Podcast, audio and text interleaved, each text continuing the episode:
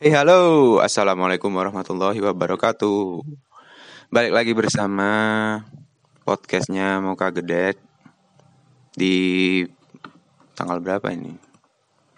Tanggal 9 hari Rabu bulan Januari 2019 Sudah minggu kedua di tahun 2019 Yang baru datang dan baru mendengarkan podcast ini Podcast ini akan membahas tentang pendakian dan komik dan hal-hal lainnya yang diisi dan diringkas dalam 15 menit pertama membahas tentang komik dan pendakian dan 15 menit berikutnya kita membahas tentang pertanyaan dari pembaca dan pendengar. Selamat datang di podcastnya Muka Gede.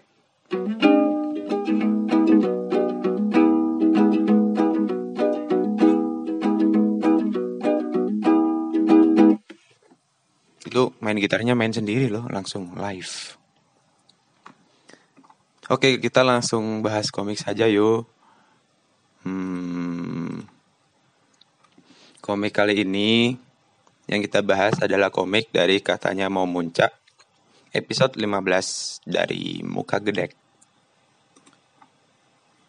Jadi di komik ini episode 15 dan 16 ini saya menjelaskan tentang apa yang saya alami di Oro-Oro Ombo. ini ya, ini sebenarnya saya di sini nih ngayal. Ini nih kata orang-orang soalnya sebelum kita waktu kita baru mau turun itu ke Oro-Oro Ombo, itu orang-orang itu kan lihat lihat tanaman-tanamannya ya tinggi-tinggi banget, bagus-bagus banget, tinggi loh, itu tinggi banget se. Jadi kan kalau orang naik gunung kan selalu pakai tas carrier yang gede-gede itu ya, yang besar-besar itu. Nah, jalan setapaknya itu itu setinggi carrier-carrier itu. Waktu itu ya, tahun 2010. Jadi kayak serem banget itu terus orang-orang itu di belakang itu mereka ngobrol kan kayak ini nih kalau misalnya ada yang tiba-tiba di bawah ada yang narik kaki kita siapa yang tahu ya tiba-tiba hilang gitu di semak-semak. Iya bisa aja. Orang ini semak-semak semua loh nggak kelihatan kayak ini loh. Kayak di filmnya Jurassic Park yang waktu mereka dimakan sama raptor. Tiba-tiba ada kepala raptornya terus lari-lari gitu. Nyam nyam nyam nyam nyam. Mungkin ya. Jadi di sini nih saya ngejelasinnya tiba-tiba ada ada kaki ada tangan gitu kan yang tiba-tiba ngambil kaki saya gitu. Nah, yang di episode 16-nya dia datang gitu terus dia nanya ini tuh jadi ini yang manusia yang sering mengotori tempatku. Akan kuhancurkan kalian segera karena telah berani memasuki wilayah kekuasaanku. Terus saya pakaiin ini kan bola energi gitu terus saya lempar ke dia. Terus dia ah tapi ternyata itu imajinasi doang. Padahal ya ternyata itu itu ada penjelasannya teman-teman. Jadi ketika kita naik gunung,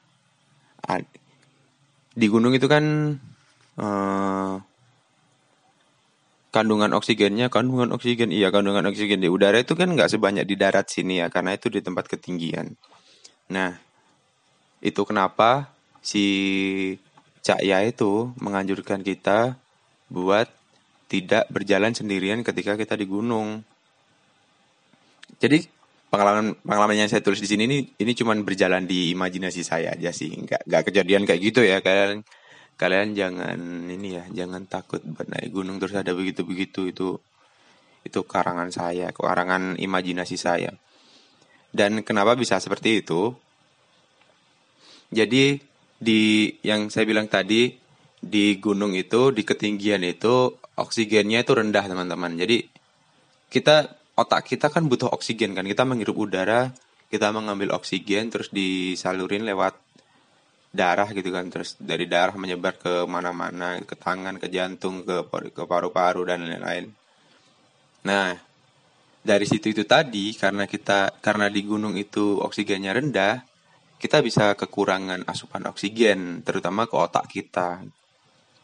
Dan itu ada namanya, saudara-saudaraku. Itu namanya hipoksia atau kekurangan oksigen. Dalam kasus ini di ketinggian gitu. Jadi contoh kasusnya itu ada Jeremy Windsor, Jeremy Windsor, Windsor, Windsor, Windsor yang mengalami gangguan aneh ketika mendaki Everest pada tahun 2008.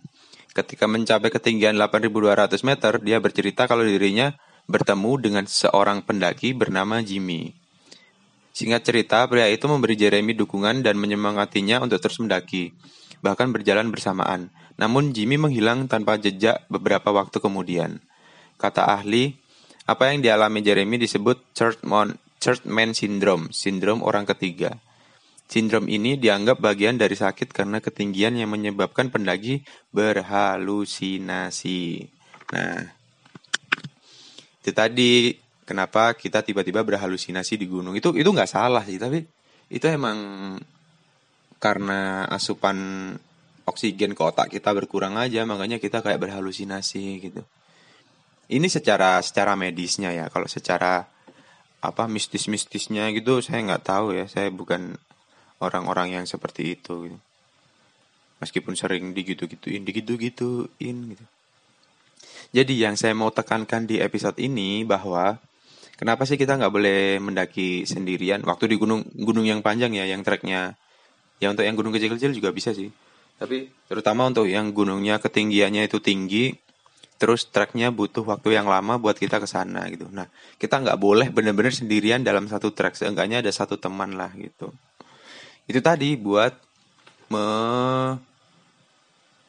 menangkal menangkal supaya kita bisa menyiasati untuk tidak terjadi hal kayak begitu. Nah, itu tadi yang ingin saya tekankan dari komik saya. Jadi, buat kalian yang mau mendaki, usahakan teman-teman kalian itu solid, jangan main tinggal-tinggal terus. Kasihan tahu ditinggal itu. Hmm. Jadi, monsternya itu nggak ada ya, itu dihalusinasi kalian. Udah selesai deh. Kok cuma 7 menit? Gak apa-apa, Deng. Untuk sesi ini emang pendek dan cuma 7 menit karena di sesi pertanyaannya banyak banget yang nanya. Ada 1, 2, 3, 4, 5, 6, 7 pertanyaan yang harus saya jawab di sesi pertanyaan kali ini. Tuh komiknya tadi udah ya, jadi itu ngarang nggak ada monster-monsternya nggak ada bola energi bola energinya ya kita masuk ke sesi tanya jawab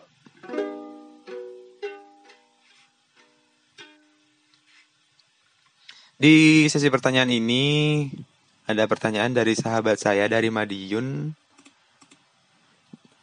dengan nama akun @salma Ibrahim Asli. Ini sahabat saya waktu kuliah ya.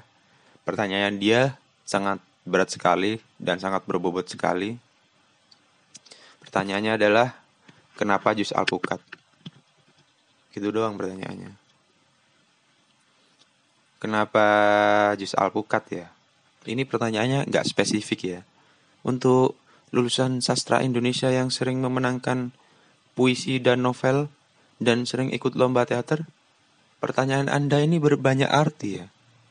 Ini benar-benar benar-benar membuat otak saya tidak bisa menangkap gitu apa yang ada di pertanyaan ini. Mungkin dia nanya ya, saya jawab aja beberapa kemungkinan pertanyaan dia. Kenapa miminnya suka sama jus alpukat gitu? Oke, jadi kenapa suka sama jus alpukat? Karena enak. Enak jus alpukat itu. Jadi kan jus itu ada banyak ya. Ada ini ada itu ada ini ada itu gitu. Cuman nggak tahu saya suka aja sama alpukat karena dia kayak kental gitu loh jusnya. Kalau kayak melon gitu kan masih ada bulir-bulirnya gitu ya kalau di jus gitu. Terus kalau tomat malah encer kalau di jus. Terus kalau siapa? Pisang jus pisang. Jus pisang saya suka sih tapi nggak sesuka jus alpukat. Jus pisang itu kadang ini ada rada ini kecut gitu kecut apa pahit gitu. Di jusnya. Udah enak sih bikin kenyang itu jus pisang. Tapi lebih enak jus alpukat.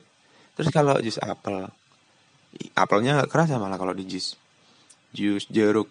Jus jeruk enak cuman ini kecut asam nah kalau jus alpukat dia itu lebih kental gitu loh lebih padat lebih kental terus rasanya bener-bener alpukat banget meskipun di ditambahin sama gula sama coklat itu rasanya bener-bener alpukat banget lah. Nggak tahu ya kalau kalau orang nanya kenapa kamu suka sama wah itu pertanyaan yang sangat berat itu. Karena suka itu beda-beda ya. Orang orang nggak bisa nggak bisa menyamakan kesukaan dia sama orang lain gitu. Kalau misalnya si Salma yang biasa saya panggil sama Salmon ini misalnya si Salmon ini suka sama jus melon. Sedangkan saya suka sama jus alpukat. Kan nggak sama gitu loh. Dia suka karena objektif dia. Dan saya suka jus alpukat karena objektif saya. Saya kenapa suka sama jus alpukat? Ya karena itu tadi dia jusnya lebih padat gitu dari jus-jus yang lain lebih kental. Lebih berat lebih rasanya lebih kuat lebih tajam. Udah kayak kopi aja ya. Iya ya kayak begitu kan kriteria kopi rasanya lebih enak aja menurut saya daripada daripada buah-buahan yang lain Gak tahu meskipun jus alpukat itu dimakan mentah gitu ya kayak habis matang gitu terus di, gak usah di jus deh langsung dikerokin gitu terus ditaruh di mangkok terus di di apa dinyek-nyek gitu sama gula. Wih itu enak banget rasanya. Kita kayak makan kayak makan bubur. Pertanyaan kedua datang dari sahabat saya lagi dari Gaban 24 at Gaban 24 underscores. Ini teman saya dari SD ya yang sekarang udah sukses menjadi developer game di Surabaya. Wah, keren banget ya. Itu tuh impian kita bersama tahu biar buat bisa main game dan bikin gamenya sekalian gitu. Jadi si Gaban ini nanya, ehm, kapan muncak lagi? Ini pertanyaan orang-orang ini berbobot sekali ya. Kapan muncak lagi? Kapan Mimin muncak lagi? Sepertinya kalau muncak buat fun camp aja mungkin ada dalam waktu dekat ini saya mau muncak ke Gunung Lemongan sama tim saya. Tapi kalau nggak sama tim saya itu rasanya menyebalkan gitu loh. Kalian pernah ngerasain gak sih? Kalian kan yang ngedengerin di sini kan rata-rata kebanyakan pendaki kan. Yang teman-teman saya ini mereka nganggur aja makanya dengerin ini. Atau enggak saya paksa buat dengerin. Makasih ya teman-temanku sayang-sayangku. Jadi saya bakal muncak kalau timnya itu pas. Timnya maksud saya itu orang yang bakal orang yang bakal jadi rombongan saya waktu di gunung. Jadi kalau dulu sama sampai sekarang sih dulu sampai sekarang saya kalau mendaki itu suka bikin tim. Tim tim apa gitu. Jadi ketika kita mendaki kita udah bagi tugas gitu. Dalam misalnya dalam lima orang nih. Kayak saya punya saya punya tim inti yang dulu itu selalu saya bawa-bawa ke mana-mana pun. Yang sekarang mereka udah punya istri masing-masing. Kalau diajak main susah istrinya galak-galak. Jadi punya lima tim tuh. Yang satu itu ahli tenda. Dia pinter banget buat ngediriin tenda. Terus semua peralatan tenda dia yang pegang ya. Tetek begini tenda itu dia yang pegang tenda itu. Maksud saya dia ahli di tenda itu nggak sekedar gediriin tenda loh. Jadi mulai dari si pasaknya tenda tali tenda sarungnya tenda sarungnya pasak terus jagain framenya. Terus pas buka tenda kita di bawah komando dia gitu. Itu tim gue yang pertama. Jadi dia khusus spesialis di tenda. Tim yang kedua yang harus ada itu orang yang pinter bikin api. Bikin api jadi bukan dari kompor ya bikin api. Jadi dia saya itu punya temen yang tangannya itu mungkin ini ya dia itu pengendali api tahu jadi dia bisa menghidupkan api dari korek dan kayu-kayu yang basah. Nggak tahu pinter banget tahu ya itu. Jadi pokoknya dia itu spesialis api unggun lah saya nganggapnya.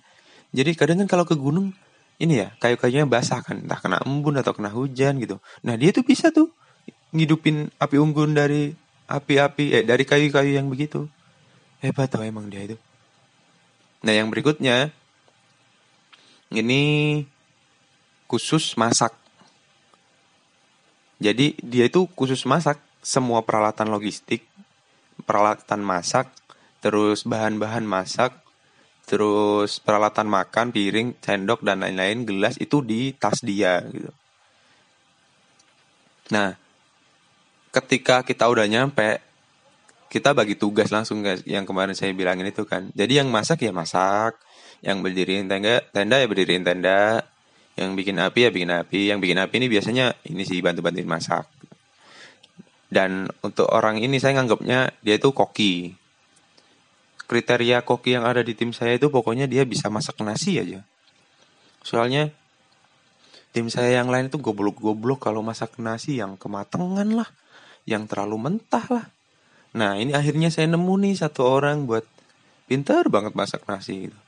Kalau lauk lainnya mah orang-orang lain juga bisa. Nah kalau masak nasi di gunung kan ada susah ya, soalnya apinya gede kan kalau gas terlalu gede. Kalau kompor spiritus apinya terlalu lembek. Kalau kompor kayu apinya nggak bisa diatur. Panasnya juga. Nah akhirnya saya nemu orang inilah yang paling pinter dalam uh, masak-masak. Terus tim yang tadi berapa tiga keempat itu orang yang nyari rute. Jadi kita ketika kita mau naik gunung misalnya ke Arjuno gitu kan. Kalau saya dulu kan ke Arjuno si orang ini si pencari rute ini dia bakal mempelajarin rutenya. Jadi dia yang belajar ke senior senior atau dia browsing dari internet.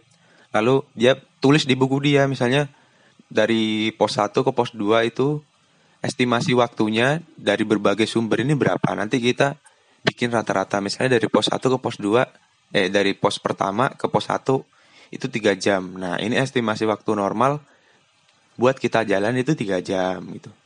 Dan berikutnya dan berikutnya dan berikutnya. Nah yang ngatur tentang estimasi waktu, rutenya itu sampai pos-posnya itu namanya apa aja itu dia yang ngatur.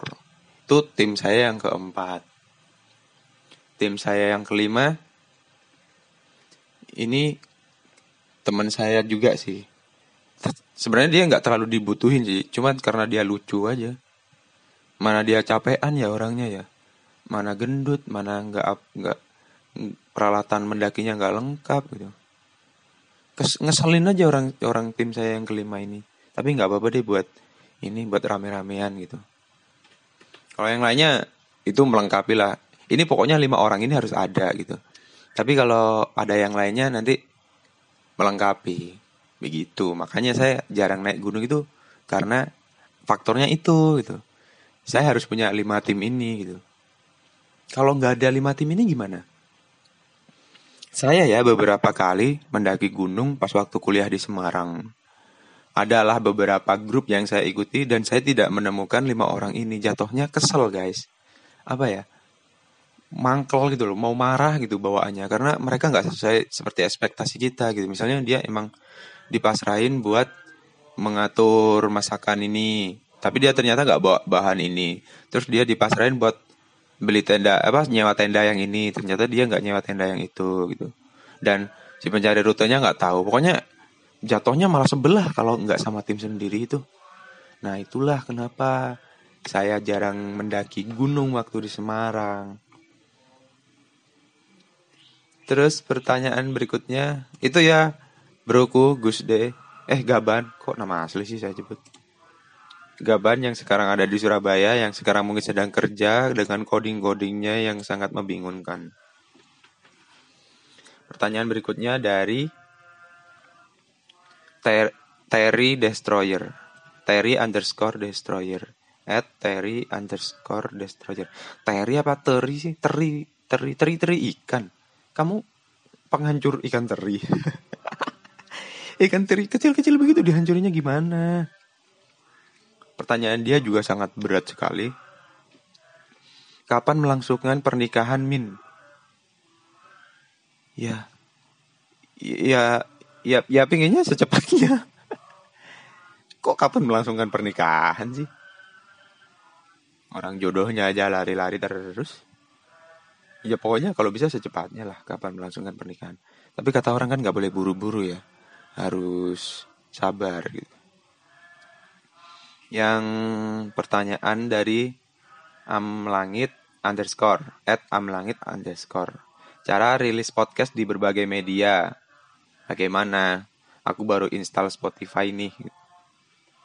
Oh, jadi ini ya teman-teman buat yang pengen main main podcast seperti ini. Jadi dulu kan awalnya saya mainnya di SoundCloud. Tapi ternyata SoundCloud itu punya kebijakan teman-teman. Jadi di SoundCloud itu maksimal kalian ngerekam sepanjang 3 jam. Nah, kalau orang yang nge-cover-cover lagu kan palingan semenit, dua menit gitu kan kalau di SoundCloud itu kan. Ya mereka bisa punya banyak track gitu. Cuman kalau mainnya podcast begini, satu episodenya itu ada setengah jam. Kalau waktunya tiga jam kan berarti saya cuman punya 6 episode. Iya enggak? Iya ya bener ya.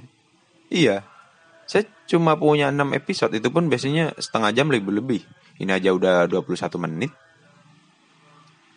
Jadi cara kemudian saya nggak main di SoundCloud lagi. Main di SoundCloud sih sampai sekarang masih upload sampai maksimal uploadnya dia. Nanti kalau udah selesai mungkin saya nggak upload di situ lagi atau enggak yang lama-lama dihapusin ya. Buset miskin banget. Jadi saya kemudian nemu website namanya Ancor. A N C H O R .fm anchor.fm. Jadi dia itu semacam website yang provide podcast-podcast ketika kita nge uh, membuat podcast di sana, kita ngupload suara podcast rekaman kita di sana. Nanti tugasnya si Anchor ini bakal nge-verif akun kita dulu. Paling lama sih seminggu. Waktu itu saya juga seminggu gitu. Buat nyampe diliatin gitu.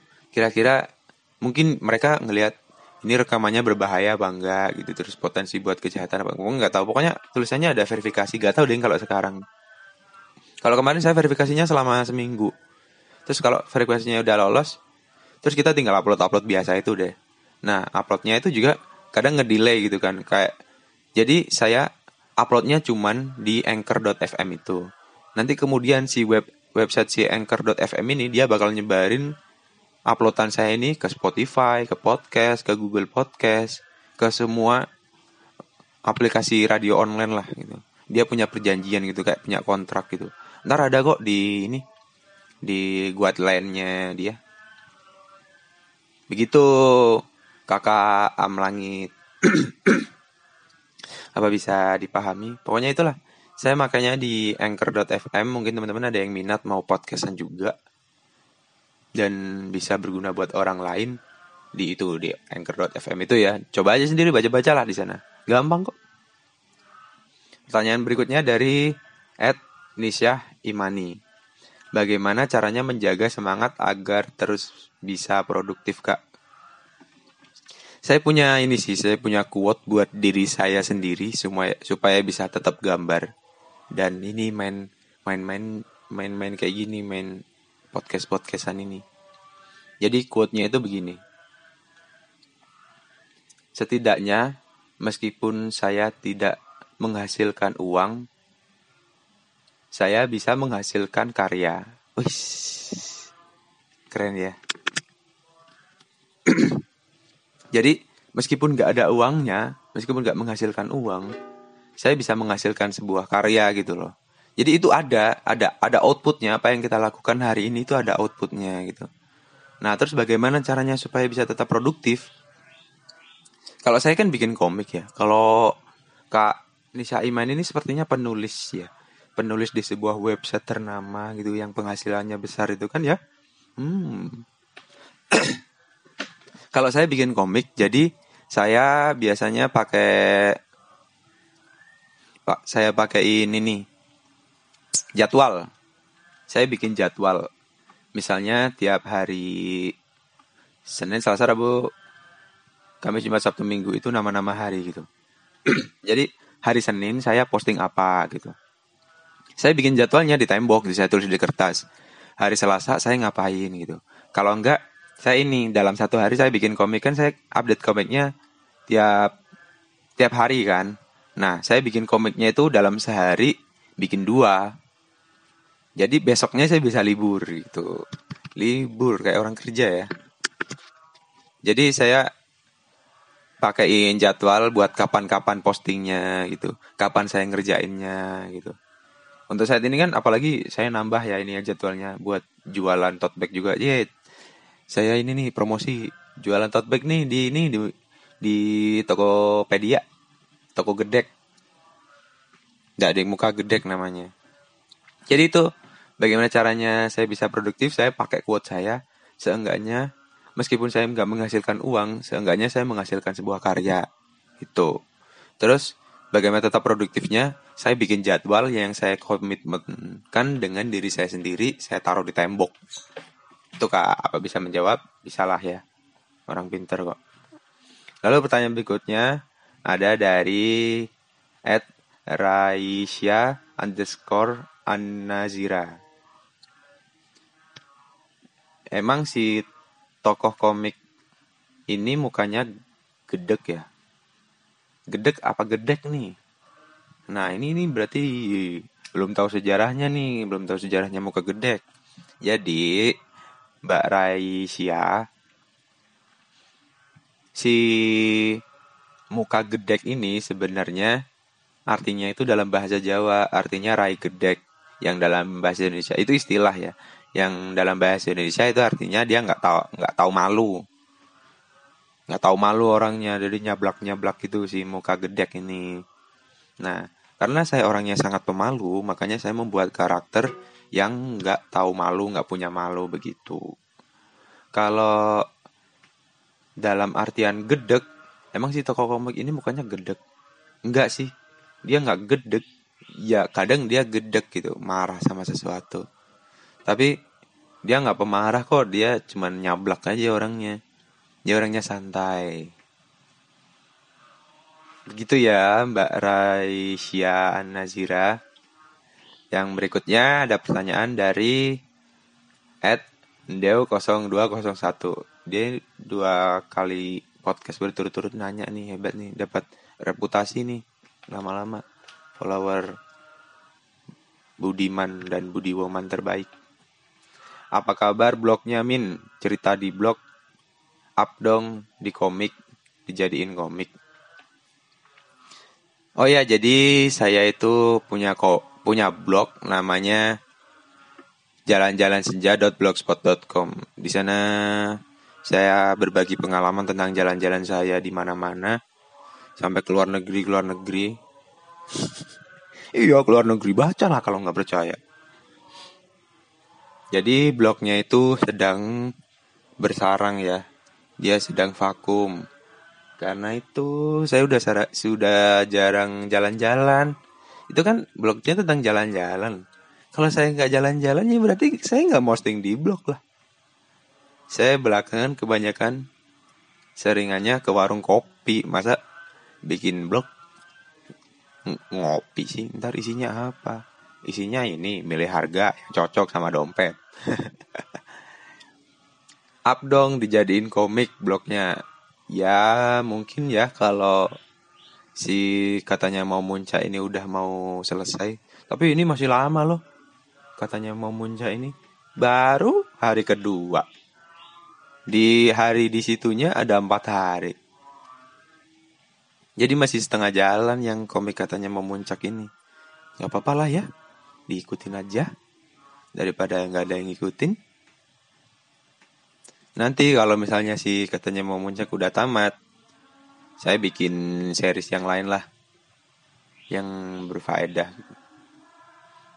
Jadi teman-teman buat yang mau ikutan podcast juga atau kali aja ada yang mau bikin komik juga atau ada yang pengen buat konten-konten di entah di YouTube, entah di di mana-mana lah. Pokoknya kalian ketika pengen bikin konten Kemarin tuh saya habis nonton video apa gitu di YouTube. Pokoknya tentang sesuatu yang berhubungan dengan konten ya. Konten di dunia maya. Jadi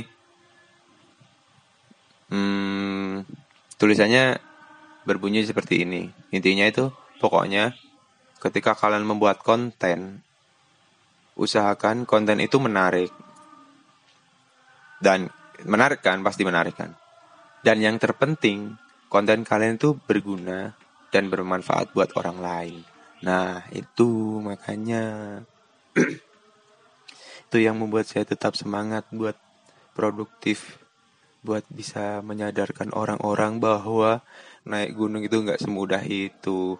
Itu sih kalau tujuan saya kenapa saya bikin komik katanya mau muncak itu. Saya membuat sebuah sudut pandang bagaimana seorang pemula itu kesusahan di pendakian gitu, di pendakian yang serius gitu kayak Semeru contohnya gitu. Jadi bukan asal-asalan gitu nantinya. Saya pengennya sih membuat sebuah komik sebuah konten yang bisa mengedukasi tentang pendakian gitu. Jadi kalau ada istilah nggak apa-apa kan masih newbie nggak boleh. Meskipun kalian masih newbie naik gunung, kalian harus tetap siap, kalian harus tetap prepare sama kebutuhan kalian di sana. Gitu. Jangan sampai kalian naik gunung itu mempersulit orang lain gitu.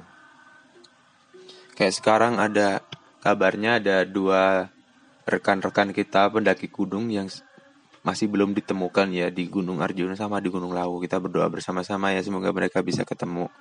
Amin. Itu banyak sih faktornya kenapa orang bisa tersesat di gunung itu. Saya punya ahlinya. Saya punya kenalan orang orang yang pernah ikut itu relawan buat ngesar-ngesar gitu. Kapan-kapan kita interview dia aja ya. Saya udah diceritain sih beberapa nanti, tapi nanti kita tanya langsung aja ke orangnya gitu. Dia sahabat saya kok. Kapan-kapan kita hadirkan di sini. Mungkin di ini di episode depan ya mungkin ya. Boleh boleh lah.